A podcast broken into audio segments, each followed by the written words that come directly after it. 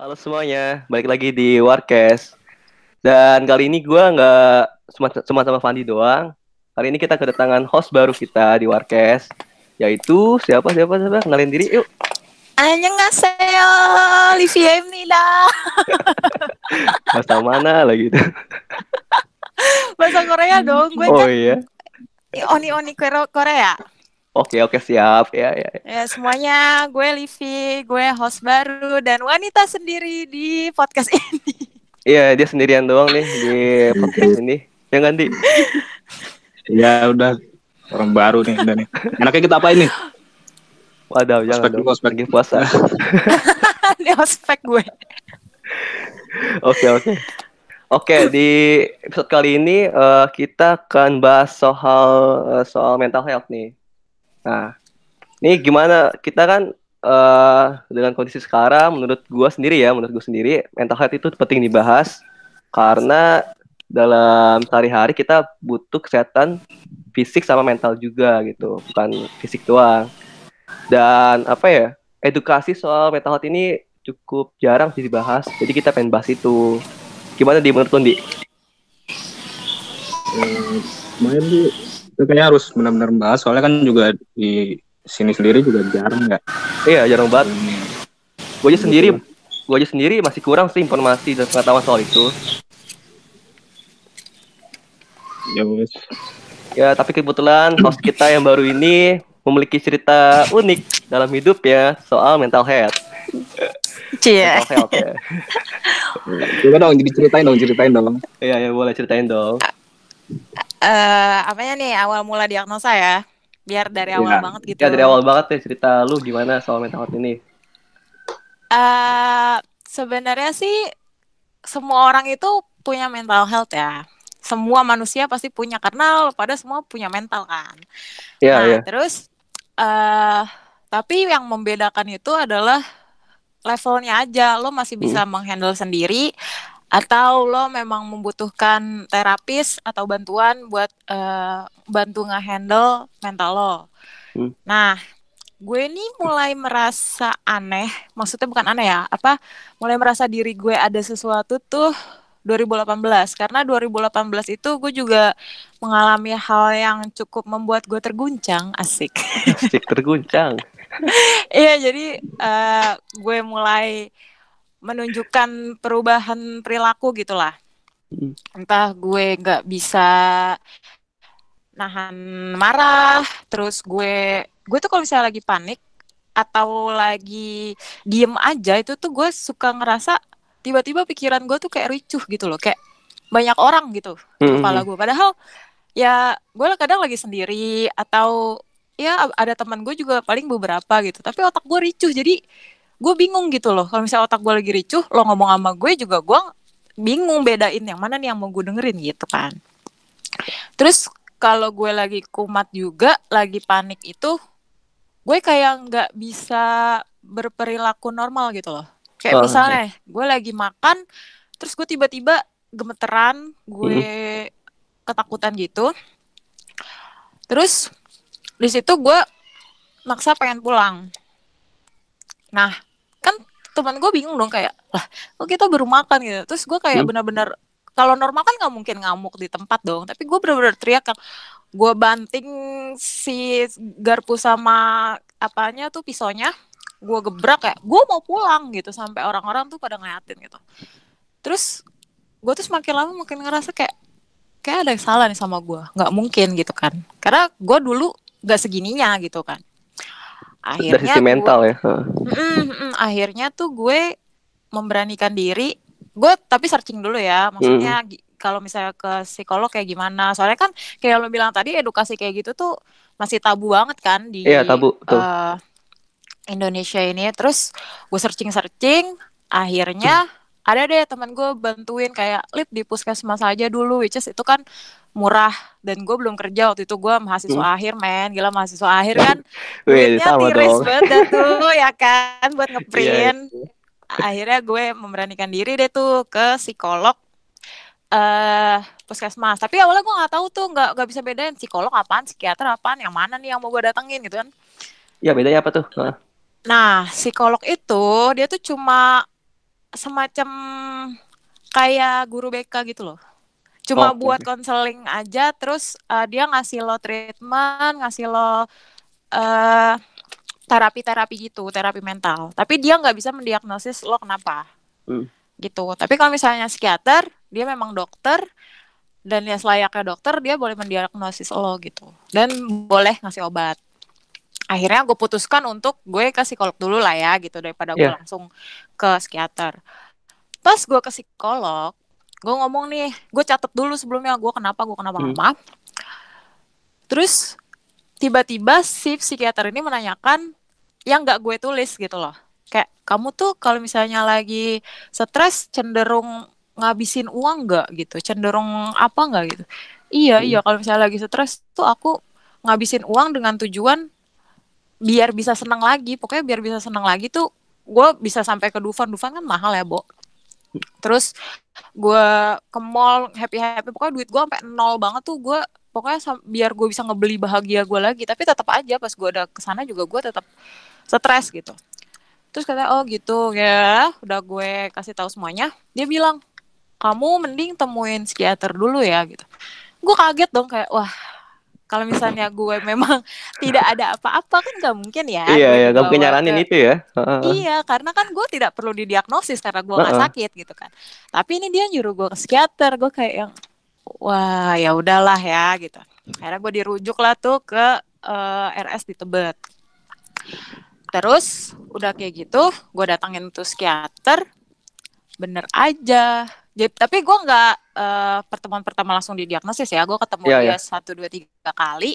Dan pas pertemuan ketiga dia baru mendiagnosis gue eh, beberapa mental health gitu. Nah, dulu itu pas SD sebenarnya gue pernah kena mental health juga, tapi eh apa anoreksia, anoreksia nervosa tuh gue sampai nggak mau makan karena pernah dibully gendut gitu. Tapi itu udah sembuh, udah lama banget pas SMP tuh gue udah sembuh gitu kan. Tapi waktu itu juga bukan sembuh karena dibawa ke psikiater gitu, karena memang gue handle dan keluarga gue handle gitu. Gue dipaksa makan gitu kan, biar gue nggak anoreksia lagi. Hmm. Kemarin gue didiagnosanya itu tahun 2018 itu gue bipolar, gue PTSD, post traumatic stress disorder, Hah? BPD, eh, borderline personality disorder. Tadi dulu iklan. Sama skizofrenia juga skizofrenia paranoid. Nah, pas skizofrenia gue kayak kaget deh tuh, tercengang gue kayak ah skizo. Soalnya skizo itu tuh yang gue baca-baca di Google adalah Hmm. kankernya mental. Jadi kalau misalnya lu udah kena skizo itu udah parah. Masuk parah gitu ya. Iya, termasuk parah karena Kita ya. Nah, yang bikin gue halusinasi dan waham ini tuh ya si skizonya ini, skizo paranoidnya ini. Terus gue kayak, aduh, terus gue bilang gimana dong dok gitu. Iya kamu harus minum obat seumur hidup, tapi selain itu juga kamu harus terapi ke psikolog. Jadi gue harus dua dokter sekaligus nih. Hmm. Gue stres lah tuh di situ soalnya kan ya layaknya orang tua orang tua di Indonesia aja lah masih tabu gitu kan anaknya dibawa ke situ wah berarti anak gue gila gitu kan nah sama juga orang tua gue kayak gitu orang tua gue nggak agree kalau misalnya gue dibawa ke eh, kayak gitu gituan Dari awal ya itu ya. Gak setuju ya. iya nah mereka tuh malah setiap gue ngamuk mereka merasa gue tuh kesurupan jadi tiap gue ngamuk itu kak lu bayangin aja mak gue langsung ngambil mau kena jempol kaki gue dipegang Dibacain ayat, ayat, ayat suci. iya gue kayak marah gitu kayak woi gue bukan kesurupan gitu gue Eh. heran ya sama orang-orang Indonesia tuh kayak gitu gitu ya udah akhirnya gue mencoba untuk ya udah gue berobat sendiri lah kayak gue cerita sama teman-teman gue Hmm. hari katanya ya udahlah Vi eh, coba aja lu nabung-nabung dulu kan lu belum kerja juga gitu tapi sambil gue cari-cari kerja juga nih yang bisa freelance biar gue masih tetap bisa skripsian kan Hmm. Nah, waktu gue berobat itu berobatnya sih nggak terlalu mahal ya, bayar dulu. Berobatnya sih nggak terlalu mahal, bayar dokternya itu nggak terlalu mahal. Oh. Obatnya ini Pak mahal banget ya kan? Rutin soalnya kan ya. Diminta setiap Iya. hari gitu. Ya, iya ya. setiap hari. Dan satu butir kecilnya itu mahal banget. Satu butir kecil itu berapa ya waktu itu? lima ribu apa berapa gitu? Lo bayangin aja sebutir kecilnya lima ribu perak. Wadaw. sepapan ada isi 10 aja udah berapa tuh? Ya kan? Iya ya. 10 juga cuma bisa bertahan berapa hari. Ya kan? Mahal banget di situ obatnya. Udah tuh gua ngap gue memutuskan untuk pernah tuh setengah tahun gue pakai obat dulu tapi di belakang orang tua gua gue minum obat. Dan gue benar-benar bisa terkontrol banget di situ. Nah akhirnya karena gua ngap juga gua nggak bisa bayar obatnya gitu kan. Akhirnya gue stop deh tuh kayak ah udahlah gitu kan. Gue mencoba untuk ya udahlah gue handle sendiri aja lah gitu. Gue juga nggak bisa berobat sendiri karena uang gue nggak ada. Hmm. Pas gue berhenti itu gue makin jadi. Lu bayangin aja gue lagi di motor sama temen gue Hmm. tiba-tiba tuh gue ngamuk. Tiba-tiba gue ngamuk gue mau turun dia nggak bisa nurunin gue dong. Itu tengah jalan dan itu jauh banget dari rumah gue. Gak mungkin dia nyuruh gue pulang sendiri juga. Tapi gue so, Vivi, Vivi jangan gitu. Gue mukulin dia. Lu bayangin aja pala dia. Lu tahu dashboard mobil eh bukan dashboard eh motor yang ada speedometernya itu kan? Iya iya iya. Itu tuh pala dia gue dorong gue jeduk jeduk gitu. Wadaw. turunin gue gak turunin Barbar banget ya. gitu. Diliatin orang-orang. Akhirnya dia minggir lah karena takut kecelakaan kan takut jatuh. Ya minggir. Terus dia megangin tangan gue biar gue nggak ngamuk. Gue gigit lah tangan dia sampai berdarah. Gue gigit tapi gigitnya gigit nyabik gitu loh gigit terus gue tarik. Jadi kan ke, ini kan tangannya dia berdarah gitu Darah darah ya. Iya, tapi dia tetap nggak lepasin gua kan, lo gue cakar udah gua, wah macam-macam deh. Hah. Nah terus akhirnya gua tenang tenang tenang lama-lama tenang, gue nangis gue nangis gue nyalahin diri gue sendiri kenapa gue gituin teman gue gue mukulin pala gue ras seru bego lo lima gitu gue kayak Hmm. nyekek nyekekin diri gue sendiri gue cakar cakar diri gue karena gue merasa gue patut untuk dihukum gitu loh karena gue udah begitu karena gue udah kasar sama temen gue ya udah akhirnya kata teman gue Phil lo nggak bisa lo harus balik lagi nih ke, ke psikolog lo gitu. akhirnya gue balik lagi psikolog gue marah di situ kenapa kamu berhenti obat gitu Nah ya. ya mau gimana ya gitu kan Ketergant ketergantungan gak sih kalau jadinya gitu ya? eh sebenarnya obatnya itu kan sesuai dosis ya kecuali lo make nggak pakai Oh, nggak oke. sesuai dosis baru Hmm. lo jatuhnya ya ketergantungan Hmm. nah tapi kan ini kan sesuai dosis dokter jadi masih aman sebenarnya walaupun Hmm. diminum seumur hidup katanya gitu kan ya udah akhirnya udah tuh gue memutuskan untuk ya udahlah gue juga nggak punya uang mau diomelin psikolog gue juga gimana gitu kan ya udah akhirnya gue eh, jalanin sendiri jalanin sendiri ya sampai sekarang sih masih kayak gitu karena gue nggak nggak ngikutin prosedur pengobatannya juga kalau misalnya gue lagi kumat aja gue ngecat ngecat aja psikolognya gue harus apa udah gitu doang sih itu dia. Waduh. Banyak ini ya. Banyak cerita ya dia. Iya. Hmm, lumayan lah ya. ya itu adalah Fandi adalah salah satu korban gue tiap gue ngamuk ya Van ya gue kan nelfon lo mulu Gimana gimana di? Lu sebagai orang yang deket nih sama Alivia. Anjir, ya gimana ya? Pokoknya ya kalau misalnya dia udah kumat ya itu udah susah banget sih cuy. Hmm. Jadi kayak bener-bener lu butuh seseorang banget di sampingnya gitu loh. Takutnya kan ya kenapa-napa gitu kan. Oh gimana gimana. Jadi kayak ya gitulah. ya bayangin aja jadi jadi Fandi tuh gue nelfon dia sambil sesenggukan nangis nangis gue bilang Fandi gue mau mati aja. Ya stres aja. Jadi Fandi buset teman gue mau mati. Dan itu gue nggak cuma ngomong doang. Memang gue beberapa kali percobaan bunuh diri juga Udah pakai apa Gitu. aja percobaan bunuh dirinya? pakai wipol pernah silet-silet Wadaw. apa tuh tangan dia tuh biar darah gue habis pernah banyak sih gitu Tapi lu temenan sama Fandi tuh eh, lu langsung tiba-tiba ngasih tahu kalau lu punya mental illness atau proses dulu berapa jalan kemudian Enggak. gitu. Enggak, iya berapa tahun kemudian gue ngasih tahu Fandi tuh ya kan gue juga baru tahu 2018 kan which is Heeh. 2018 itu kita udah nggak satu sekolah ya Di udah Yep. udah mencar Fandi udah di kampusnya gue udah di kampus gue gitu kan Hmm. nah tapi itu juga gue takut-takut ngasih tahu orang karena ya kayak gue bilang tadi mental illness tuh masih tabu banget di Indonesia takutnya kalau misalnya gue kasih tahu Fandi Fandi kabur dari gue mesti kayak Jauh ah, ya. males ah gue temenan sama orang gila gitu kan biasanya.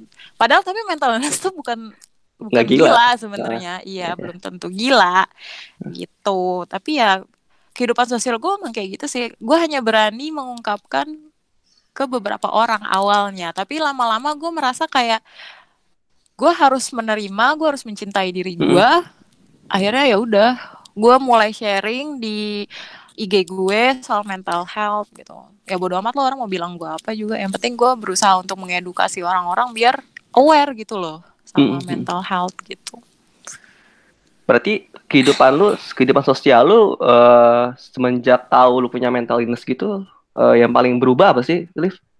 Dari sisi sosialnya? Eh, sosial sih gue lebih menjaga ya, ngejaga Hmm. boundaries sama orang. Kalau misalnya gue udah deket banget sama orang kayak umpama sama Fandi atau sahabat-sahabat gue yang lain sih, it's Hmm. okay gitu kan. Toh kalau misalnya gue kumat mereka mengerti. Tapi kalau misalnya sama orang-orang yang nggak tahu gue, terus tiba-tiba gue ngamuk kan ilfeel ya bisa-bisa kan. Iya, iya, betul-betul. Kaget juga ya, kenapa Iya, jadi ya? gue harus men- Mm-mm. jadi gue harus menjaga boundaries. Paling ya ketemu misal di kantor aja atau di kampus Hah? aja, say hi udah sebatas itu. Kalau untuk main bareng sih gue rada takut ya, karena kan gue kalau kumat bukan gue yang mau suka tiba-tiba aja gitu kan. Iya, iya benar. Nah Tiba-tiba- takutnya gue lagi main sama tuh orang gue kumat kan dia tercengang Ah, waduh, waduh. gitu. Jadi orang tua gimana orang tua?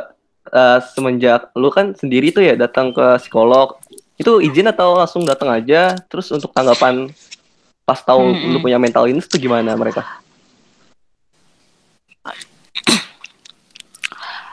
Nggak, gue bohong sama orang tua gue. Gue bilang mau bimbingan ke kampus. Wah, Tiap gue Eh, mau lu kenapa bohong tiap deh? gue mau ke itu di kan orang Ya, tuanya tadi, enggak karena kan pada awalnya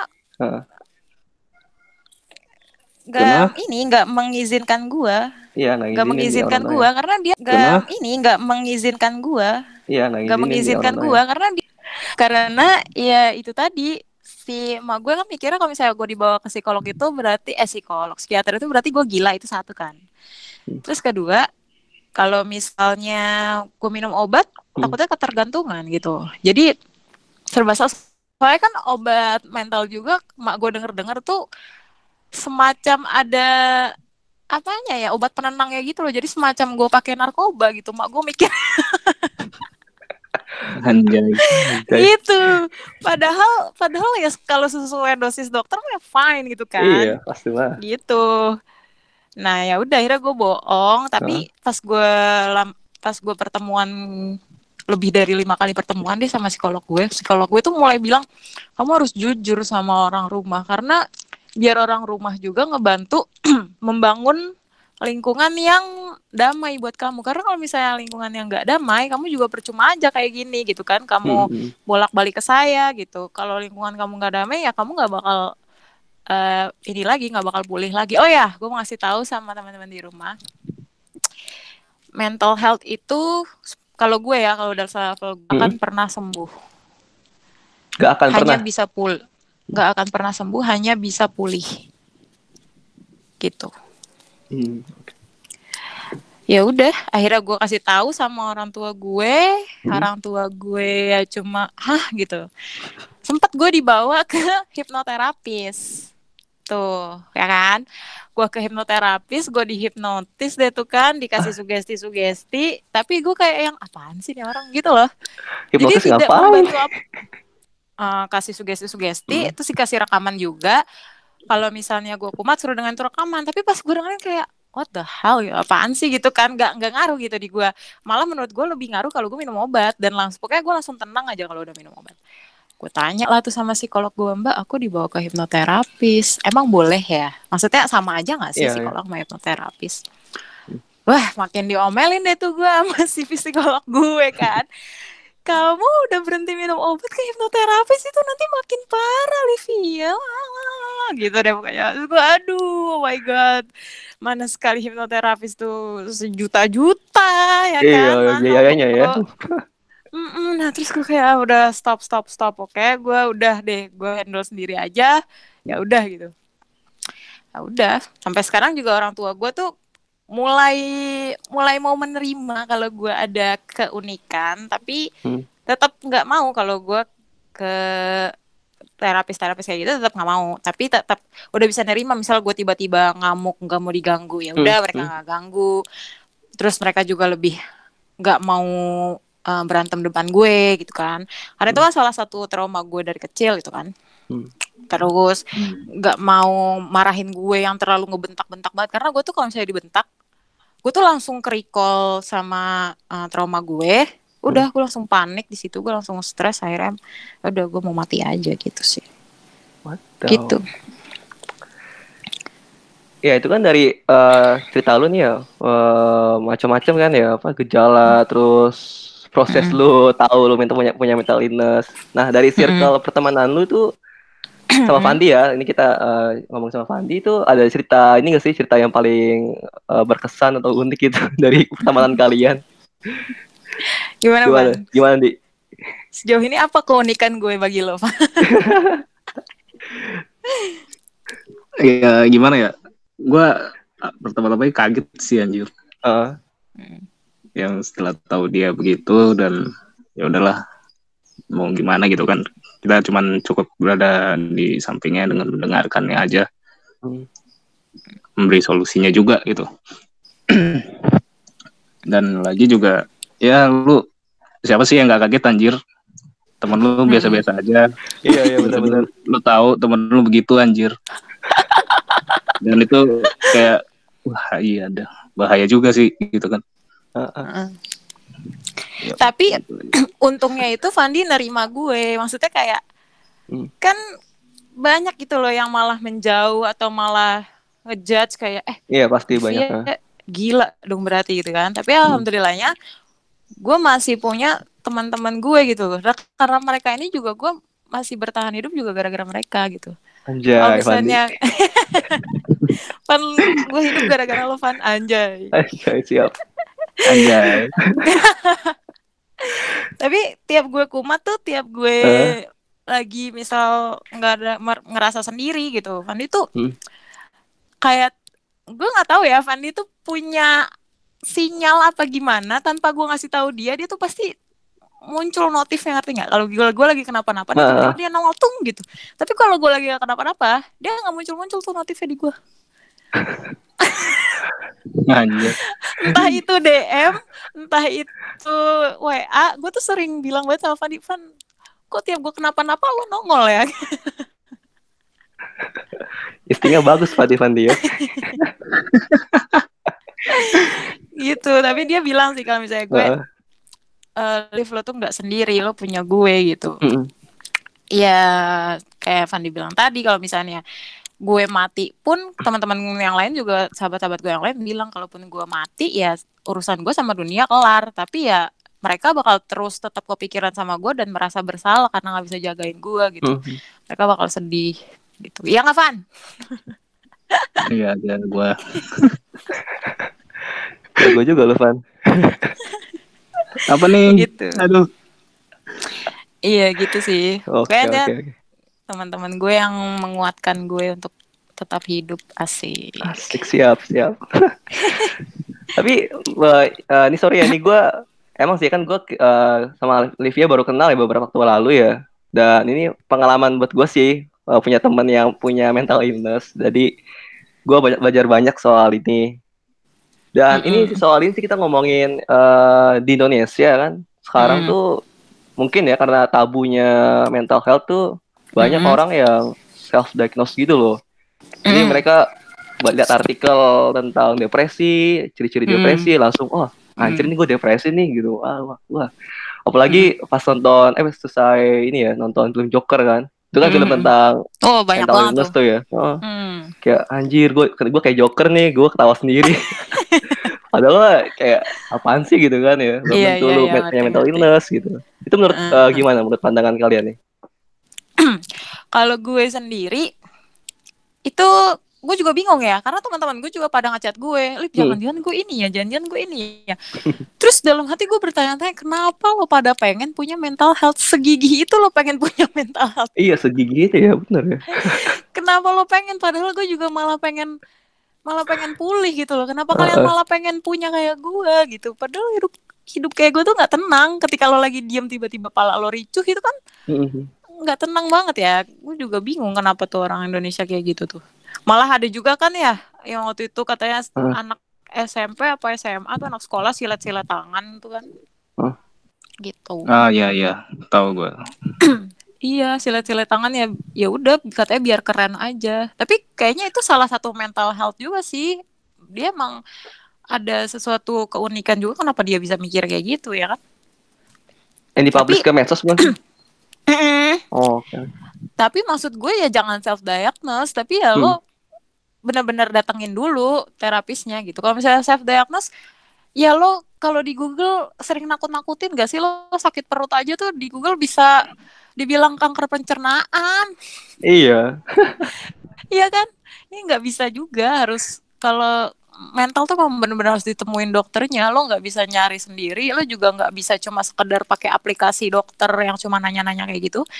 Karena terapisnya itu juga perlu melihat ekspresi lo gitu loh. Oke benar-benar Ya betul. gitu. Gimana sih kalau lu Ndi? soal ini di self diagnose itu?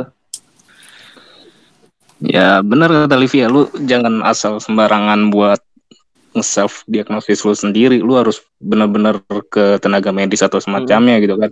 Hmm. Soalnya kan juga apa ya eh, proses menuju diagnosis yang tepat itu juga pasti sangat sulit gitu kan. Hmm. Ya gitu sih, cuman ya beginilah. Walaupun nggak nggak cukup sekali pertemuan lo langsung didiagnosa juga sama dokter enggak Iya, ya betul. Dia harus eh, menceritakan sampai menggali-gali masa lalu lo di masa Hmm. kecil dulu, bener-bener rentetan hidup lo diceritain ke mereka dulu. Oh ya, mereka tuh rata-rata pada takut ke psikolog gara-gara itu, men. apa Mereka Apa takut. Teman-teman gue banyak ya yang ngaku kayak gitu. Mereka takut ngeceritain aib mereka gitu. Ngerti nggak lo?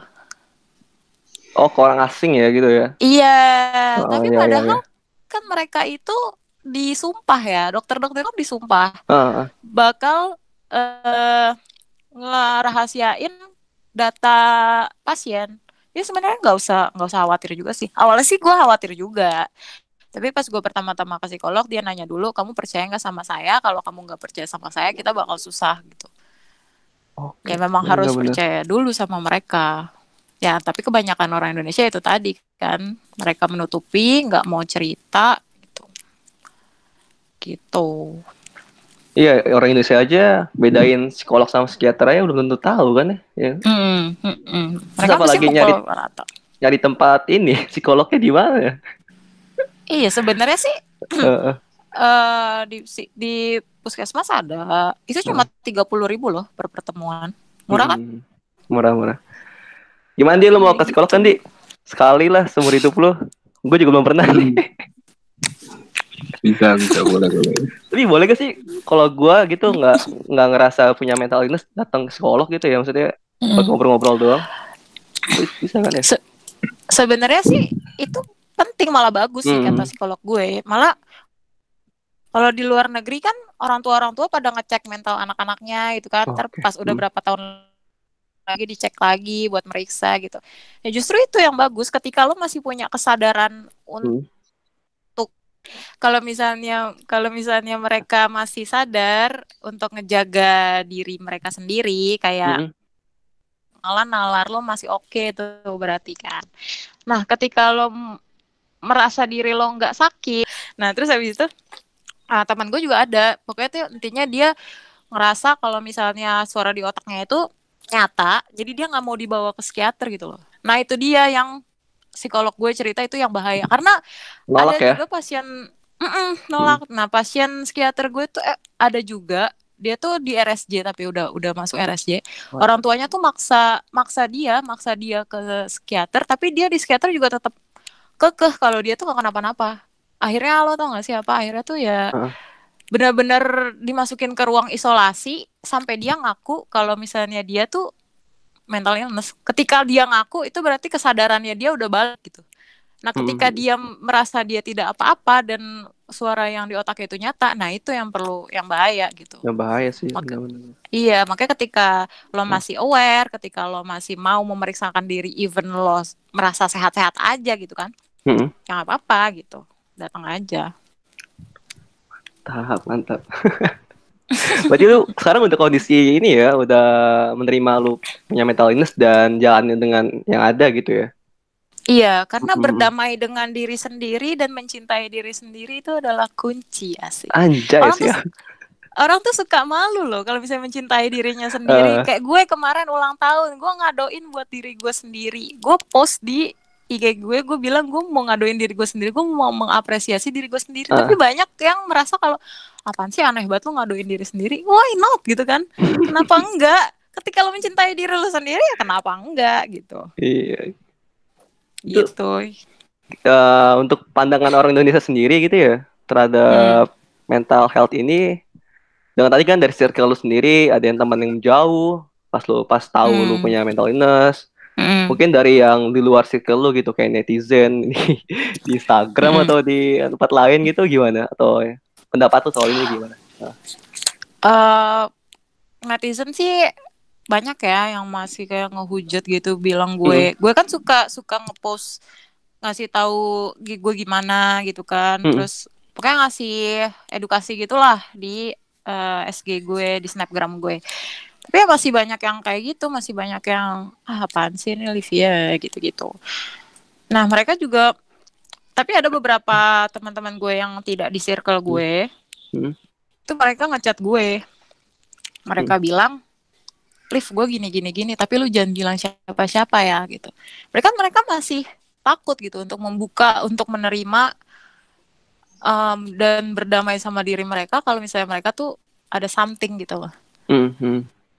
Dan yang menurut gue kenapa orang Indonesia kayak gitu juga karena uh, perusahaan-perusahaan juga pasti nggak bakalan mau dong ya jarang gitu yang mau nerima kalau tahu si karyawannya ini kena mental health gitu meskipun iya, iya. sebetulnya kan nggak banyak kan yang tahu kalau misalnya semua manusia di muka bumi ini tuh punya mental illness cuma yang bedanya levelnya aja gitu Mm-mm. Nah, makanya dari itu mereka tuh takut untuk membuka dirinya dia gitu. Entah nanti takut pacarnya nggak nerima atau lingkungan tetangga-tetangganya nggak nerima gitu.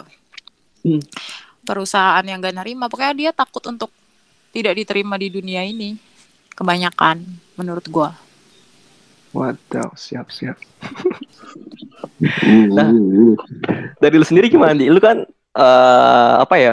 Eh, orang yang termas eh, termasuk circle mungkin ya eh, di luar sana banyak gitu ya yang punya teman mungkin eh, mental illness dan sebagai teman nih gimana nih buat menghadapi itu gitu, Di? Kalau kita punya teman mental illness. Ada tips gak sih buat dari lu? tipsnya ya Hmm. kalau apa ya kalau kata gue sih peka aja lah peka Peka. iya seriusan. Jadi kayak apa ya kayak ya nih orang lagi ada masalah gitu kan ya. Bukan maksud untuk mencampuri urusan dia cuman ya lu pasti butuh orang lah buat mendengarkan gitu kan Hmm. apa masalah lo sebagai, sebagai macam macamnya. Hmm. ya udah lo cukup dengerin dia aja dan jangan bikin dia sampai melenceng. Ngerti gak lo Mm-mm. Karena kan orang Indonesia sendiri suka yang mikirnya kayak gitu ya Van. Kurang iman lah suruh berdoa apa segala macem. Menurut gue itu toxic positivity banget men. Parah. Kayak ya lo memang butuh Tuhan tapi kan lo juga butuh manusia. Jadi hablumin Allah hablumin Nas ya. juga nggak sih? Heeh. jadi ya tetap aja butuh manusia buat buat curhat ya tetap gitu. Ya gue juga berdoa Mm-mm. sama Tuhan gue. Ya tapi gue juga butuh lo gitu. Jadi ya gue sebel banget sih kalau misalnya ada teman gue yang bilang ayo Olivia dekatkan dirimu pada Dekatkan diri Allah. Anda. gue kesel. Terus kalau misalnya ada korban bunuh diri juga karena Ah. depresi ya kan? Iya itu gimana pasti di pasti di judge-nya wah nih orang kurang iman nih nggak usah dikasihanin nih orang kayak gini nih gitu padahal ya kalau kita koreksi diri kita ya kita yang kurang untuk merangkul dia gitu loh Iya, justru betul, betul. kesian ya kan Iya. kalau kar- Hmm. karena padahal dia butuh kita tapi kita malah menjauhkan diri kita dari dia giliran dia udah mati dia dijudge juga kesian banget gak tuh hidupnya ya kan Iya juga iya orang-orang orang-orang Indonesia tuh kurang kurang respect sih menurut gue kalau sama pengidap-pengidap mental illness tuh itu kesian sebenarnya Kalau lu sendiri gimana Nan? hmm lalu gimana Nan? ya kalau menurut gua karena apa ya culture kita itu eh, orang-orangnya kan eh, apa ya meninggikan ini sih apa sisi agamanya tinggi gitu ya Hmm. dibandingkan sama orang-orang barat Benar. yang lu bilang kan mereka tuh Benar, benar. aware soal ini karena mungkin eh, sisi agamanya bukan kurang sih kayak lebih nomor sekian gitu. Jadi benar-benar aware untuk kesehatan ini lebih lebih oke sih. Dan gua sendiri aja gua baru pertama kali sih gua punya temen kan si Livia ini eh, yang punya mental illness gitu. Jadi gua merasa gue perlu belajar banyak sih soal ini. Hmm. jadi kayak mungkin ke depannya gua coba baca-baca lagi sih soal mental illness ini supaya nanti gak gampang ngejudge gitu ya Hmm, hmm. sih itu sih yang penting Heeh. karena kan orang Indonesia itu sebenarnya lebih percaya ilmu goib ya daripada ilmu Iya. medis karena nggak tingginya itu loh Mm-mm. mereka lebih percaya kita kesurupan daripada kita kumat gara-gara mental illness itu lucu sih ya.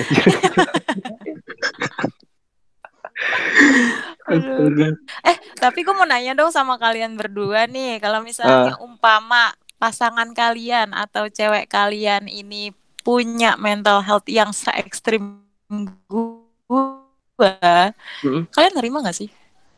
Tetap sayang Menerima gak gue. sih sama dia? Tetap sayang.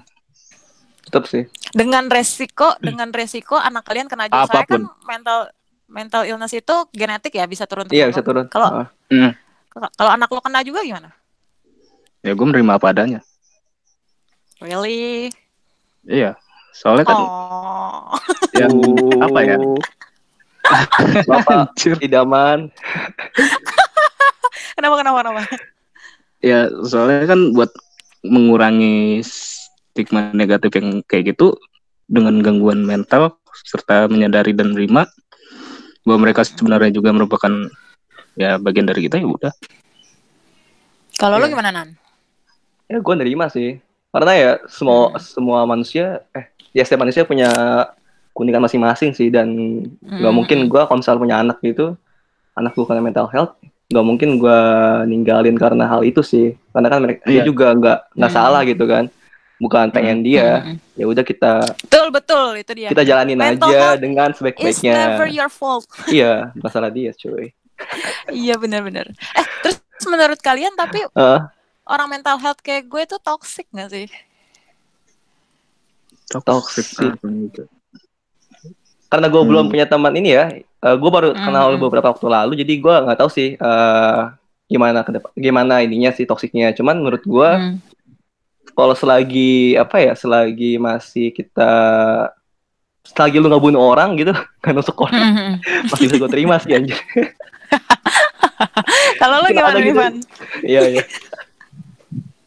Kalau lo gimana Van? Gue toxic gak nih buat lo? Gue kan temenan sama lo udah bertahun-tahun. nah itu gimana Van Tuh. Dari 2014 gue temenan sama lo ya kan? Anjay. Wih, sebut angka ya gue berapa tahun tuh lumayan juga ya 6 tahun tuh Van, gimana tuh Van? gimana Van Toxic toxic atau enggak? Hmm, enggak tahu ya gue nganggapnya enggak sih anjir. Toksiknya di mana anjir? Kayak mengganggu kehidupan lo gitu, gue tiba-tiba ngamuk-ngamuk telepon lo atau gimana gitu. Terus gue Enggak mau sih. bawa aura negatif buat lo gitu, enggak? Enggak sih. Enggak ya. Justru Enggak. lo ceria gara-gara Kebetulan waktu SMA ada gue ya kan. Aja, aja. Ada, ada.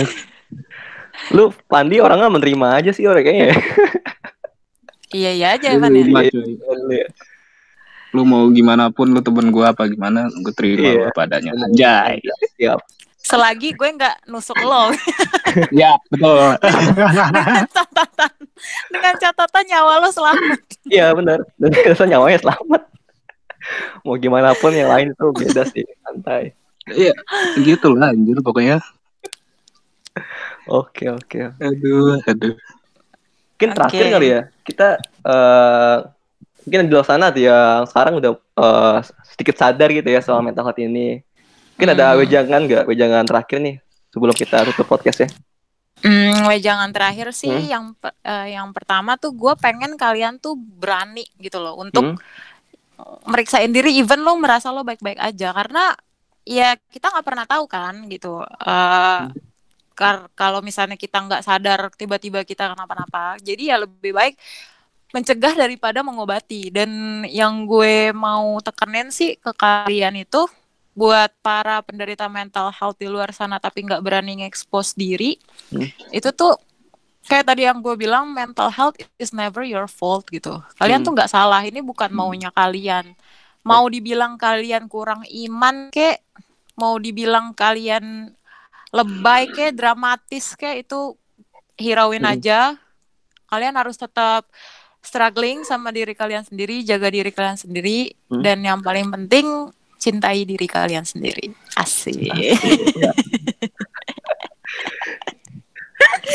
udah sih itu aja Nanti Kenapa? eh, wejangan terakhir buat jangan Teman-teman bilang yang sama kayak gue Coba aman ya. iya Apa ya? Weh jangan buat temen yang punya Iya. temen mental health health dah lo. ya dari sisi itu deh, dari sisi itu. Mm-mm. Ya peka aja sih. Udah itu aja sih. Anjay. Nih? Kadang ngeselin juga ini orang ya. Eh, ngeselin juga nanti. Singkat padat jelas ya astaga. Ya, lu coba-coba buat baca situasi juga lah. Ter- Terus juga peka lah terhadap ya entah itu siapa, Hmm. sanak keluarga atau teman-teman lu ya udah. Itu aja sih. Oke, oke. Nah, nah Nanda gimana Nanda? Apaan nih Nanda? Ya, karena gue bukan dari sisi yang temennya eh, mental ini, cuma sekarang jadi iya kan karena lu. ya, jadi gue dari sisi ini sih yang orang mungkin agak awam gitu ya. Jadi gue Mm-mm. eh, nyaranin buat teman-teman eh, apa ya untuk segera gitu, segera belajar secepatnya untuk belajar mental mental health ini gitu. Mm. Jadi eh, dari cir- circle kita aja gitu, dari diri kita sendiri untuk belajar. Dan mungkin kalau misalnya nanti ada ada case teman atau siapa pun yang punya gejala itu, jadi kita Hmm. lebih apa ya, lebih lebih tahu lah cara untuk ngadepinnya gimana. Itu aja sih. Dan jangan menghakimi ya Pak ya. Iya iya. Yang ngejat sih lah. Oke. Oke oke. Mungkin udah ya kali ya. Iya. Sekian lah. Ya. Iya lah ya. Oh iya, mungkin kalau kalian ada yang mau cerita juga bisa kali ya ke Mm. IG kita atau ke email kita. Dengan apa, Di? di mana? IG-nya. Di mana Bapak sebutin? IG-nya adalah di podcast satu ya di podcast satu atau emailnya di podcast satu at gmail.com Ya, Oke. kirim apa pun ya, cerita atau Iya. pertanyaan atau request topik atau Iya. apa pun Atau- lah gitu. Mm-mm. atau lu Feel mau free. ngeluarin mau ngeluarin apa unek-unek lu juga gak apa-apa Mm, boleh boleh. nanti kita bahas di sini Iya, Mm. iya. Dan tanggapan kalian juga nih kalau boleh nih soal mental health gimana sih gitu. Boleh ya. Iya, ya, boleh, boleh. ya boleh boleh Oke, oke. Oke. Eh, makasih Oke. banyak ya semuanya yang udah dengerin. Makasih juga Livia, Fandi yang udah gabung di podcast ini dan kita menjadi host. Anjay. Grup host. Trio kuek-kuek. Trio kuek kuek. Oke, oke. oke